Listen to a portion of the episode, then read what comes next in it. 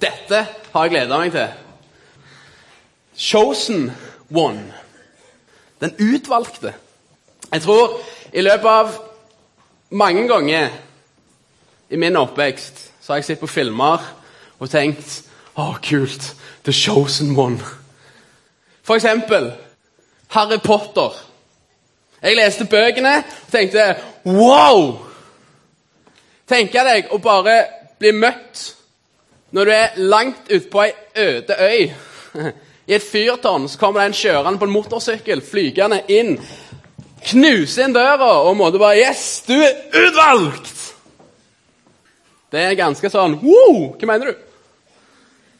Eller Spiderman. for dere tenker sånn. Nyeste Spiderman-filmen har kommet. Han er utvalgt av Ironman til å få den kuleste drakten ever. Så bare sånn special tax.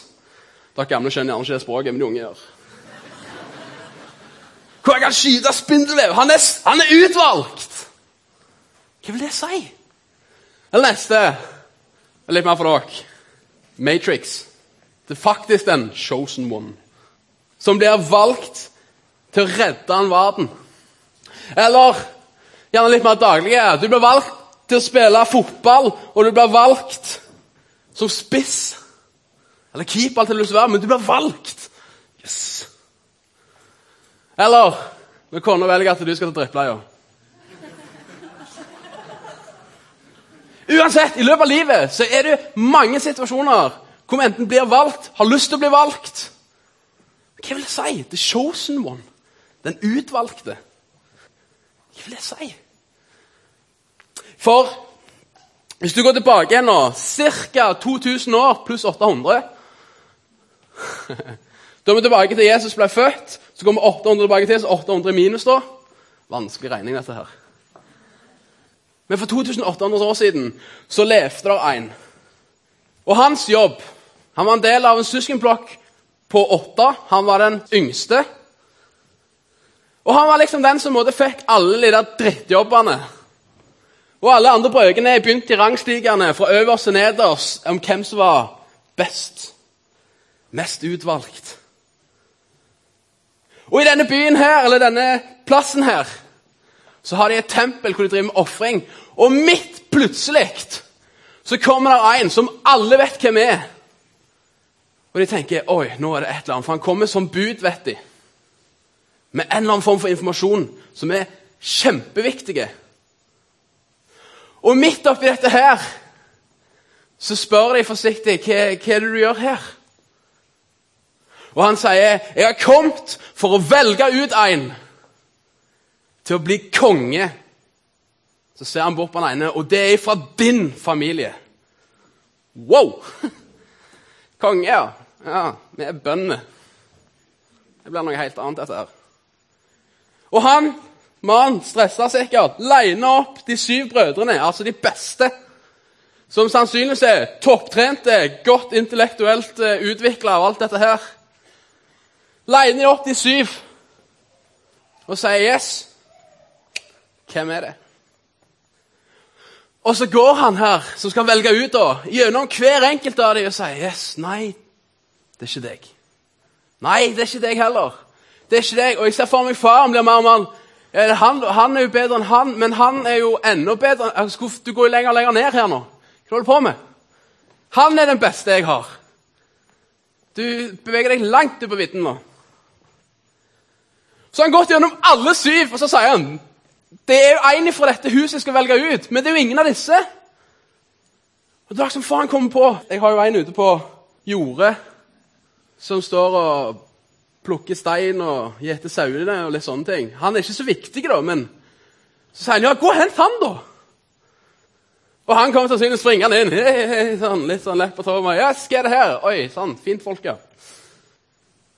Og så blir han sett på, og så får han full beskjed om at deg er det. Det han har gjort hele livet, det er å hive stein etter løver og andre ting som prøver å ta hans sine dyr. Han har gjeta sauene sine og gått på disse markene hele livet. Det er det han har gjort, det er det han kan. Så kommer det en og sier nei, du er utvalgt for noe så sinnssykt mye større. Hadde det vært meg, så hadde jeg tenkt nå backer jeg ut litt. Det var too much. Gå fra å være bonde til å bli konge. Det er ikke en liten overgang. Men Herren sa til Samuel, se ikke på hans utseende og på høy vekst, for jeg har forkastet ham. Her gjelder ikke det som mennesket ser. For mennesket ser det som øynene ser, men Herren ser på hjertet.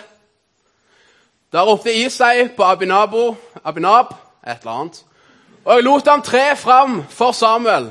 Men Samuel sa, heller ikke ham er Herren utvalgt. Så lot han Isai Sham tre fram. Som Samuel sa, heller ikke han, Herre, er utvalgt. Slik lo ikke de sju sønnene sine tre fram for Samuel. Men Samuel sa til ham, Herre, har ikke utvalgt noen av disse. Da spurte Samuel, var dette alle guttene dine? Nei, svarte Isai. Det er enda en igjen, den yngste. Han er ute og gjeter småfe. Send bud etter ham, sa Samuel. Vi setter oss ikke til bords før han kommer. Så sendte Isai bud etter ham.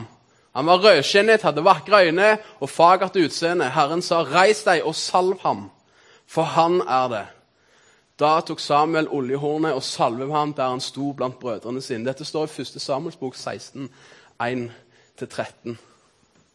Og Gjennom dette så ble han en av de største kongene, både bibelsk, men historisk messig, som du kan lese om, til David.